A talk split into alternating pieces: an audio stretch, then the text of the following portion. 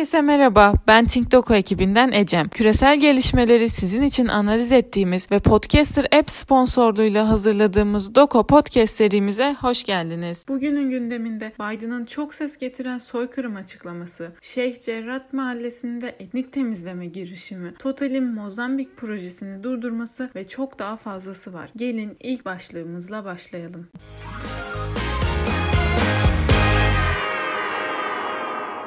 ABD Başkanı Biden hafta sonu yaptığı açıklamalarla erken dönem Ermeni çetelerinin yürüttüğü terör olayları akabinde gerçekleşen 1915 tehcirini soykırım olarak niteledi. Hali hazırda son derece gergin olan ABD-Türkiye ilişkilerinin daha da gerilmesine yol açacak ve Türkiye'yi Rusya karşısında çaresiz bırakacak bu gelişmelerle birlikte ABD'nin bölgede güçlü bir ortağını kaybetmeye çalıştığını söylemek yanlış olmaz. Kaybedilen ortağı bir terör örgütleriyle ikame etmeye çalıştığı ABD ABD'nin bölgesel meşruiyeti uzun vadede sorgulanacaktır ve bunlarla birlikte Türkiye ile Rusya'nın yakınlaşması, Esad rejiminin İdlib'de muhtemel kazanımları, Fransa'nın Rusya ile yaklaşmaya devam etmesi, Biden idaresinin Türkiye ile ilişkileri toplu olarak negatif yönde değerlendirmeye devam etmesiyle yükselen politik risk beklentiler arasında.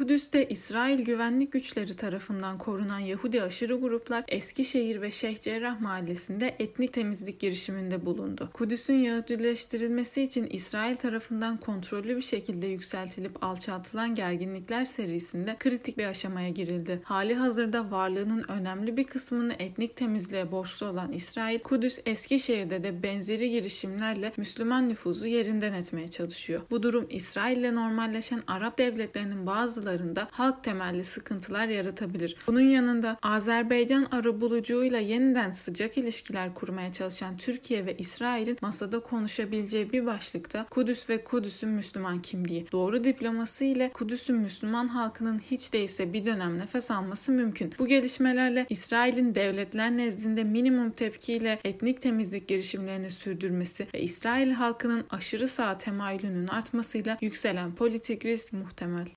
Música Total Mozambik projesini durdurdu. DAEŞ ile iltisaklı grupların Capo Delgado bölgesinin ardından ülke genelinde yaptığı atılımlar sebebiyle Total Mozambik'teki 20 milyar dolar değerindeki sıvılaştırılmış doğal gaz yatırımını durdurma kararı aldı. Bu büyüklükte bir enerji yatırımının durdurulması bölgeye yönelik güvenlik dikkatinin seviye atlamasına sebep olacaktır. Meselenin ayrıca Çin gibi aktörlerin de ilgisini kabartacağı ve geçen sene içinde ülkeyi terk eden Wagner'in yeni bir girişimde bulunacağı da düşünülebilir. Bununla birlikte enerji kaynakları geniş hinterlandı ve verimli topraklarıyla Mozambik'in yeni bir neo-emperyalist dalganın hedefinde olacağını öngörmek zor değil. Diğer öngörülerimiz ise şöyle. Fransa'nın sahilden sonra Mozambik'te de askeri açıdan etkin olması, DAEŞ ile mücadelede zafiyet halinde revizyonist bloğun Afrika'da nüfuzunu artırması, Mozambik ve Tanzanya'nın yeni bir silah pazarı haline dönüşmesi, muhtemel insani krizle yükselen politik risk.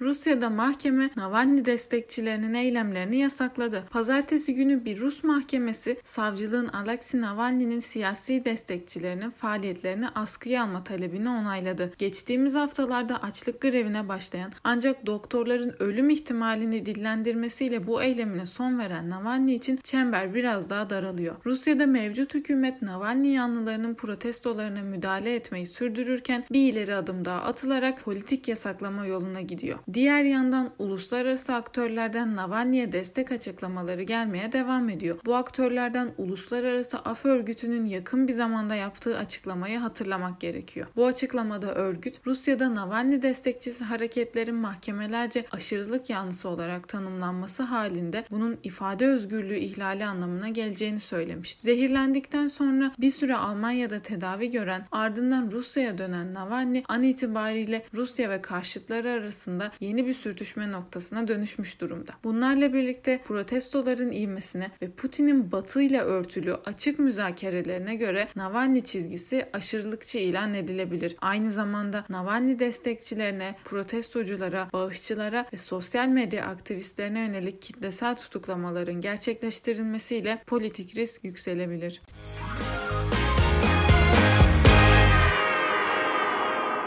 JP Morgan zengin müşterilerine Bitcoin fonu sunacak. Bu durum Wall Street'in artık kripto ekonomiye iyiden iyiye ısınmış olduğunun bir işareti olarak görülüyor. Wall Street kaynaklarından gelen bilgilere göre bahsi geçen fonun yaz aylarına kadar hazır olacağı söyleniyor. Geçtiğimiz hafta kötü bir performans sergileyen kripto paranın bu bilgiyle yaratılan hava sonrası daha fazla toparlanması bekleniyor. Aynı zamanda JP Morgan'ın olası kararı Wall Street'in Bitcoin'le sonu gelmeyecek bir ilişkiye girmesine yönelik bir anlam taşıyor. JP Morgan'ın önceki dönemlerde kripto ekonomiye bir coin denemesiyle girdiğini, kendisini kripto ekonomiye ısındırdığını da hatırlatmak gerekiyor. Bu anlamda kripto ekonomide Bitcoin kanadında toparlanma ve Wall Street'te daha fazla banka ve kurumun kripto ekonomiye adım atması muhtemel. Bunlarla birlikte ise düşen politik risk.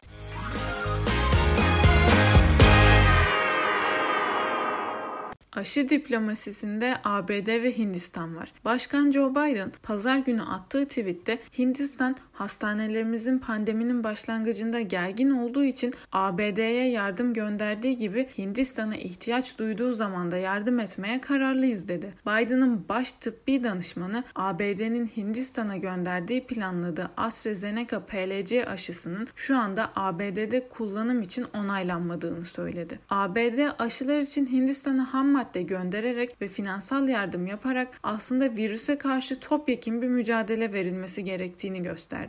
Virüs ayrıca Hindistan'a giden turistleri de etkilediği için İngiltere, Fransa ve Almanya'dan da yardım sözü geldi. ABD'nin kullanım için onaylanmayan bir aşıyı göndermesi ise akıllara ABD Hindistan'daki hastaları denek olarak mı kullanıyor sorusunu getirdi. Bu anlamda ABD yaptığı yardımlar sonucunda Hindistan'da Covid ile mücadelede söz hakkı isteyebilir. Ülke ülkeler geliştirmekte oldukları aşı ve tedavileri az gelişmiş ülkeler üzerinde yardım adı altında test edebilir ve bunlarla birlikte politik risk yükselebilir.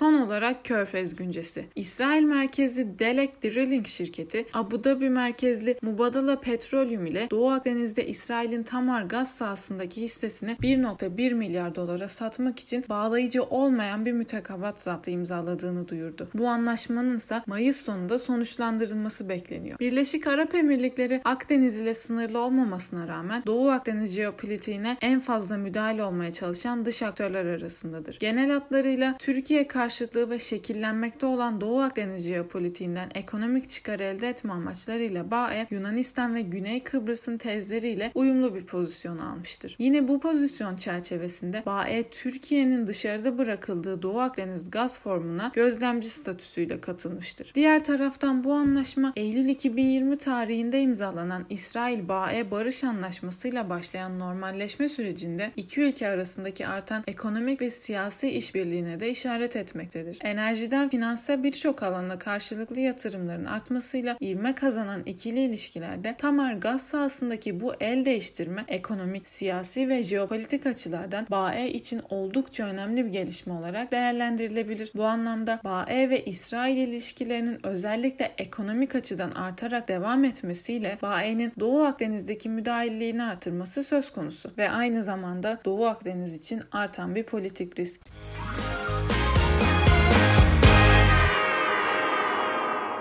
Bugünlük bültenimizin sonuna geldik. Beni dinlediğiniz için teşekkür ederim. Umarım siz de dinlerken benim kadar keyif almışsınızdır. Dünyayı anlamlandırmak için bültenlerimizi takip etmeyi unutmayın. Bir sonraki podcast'imizde görüşmek dileğiyle. Hoşçakalın.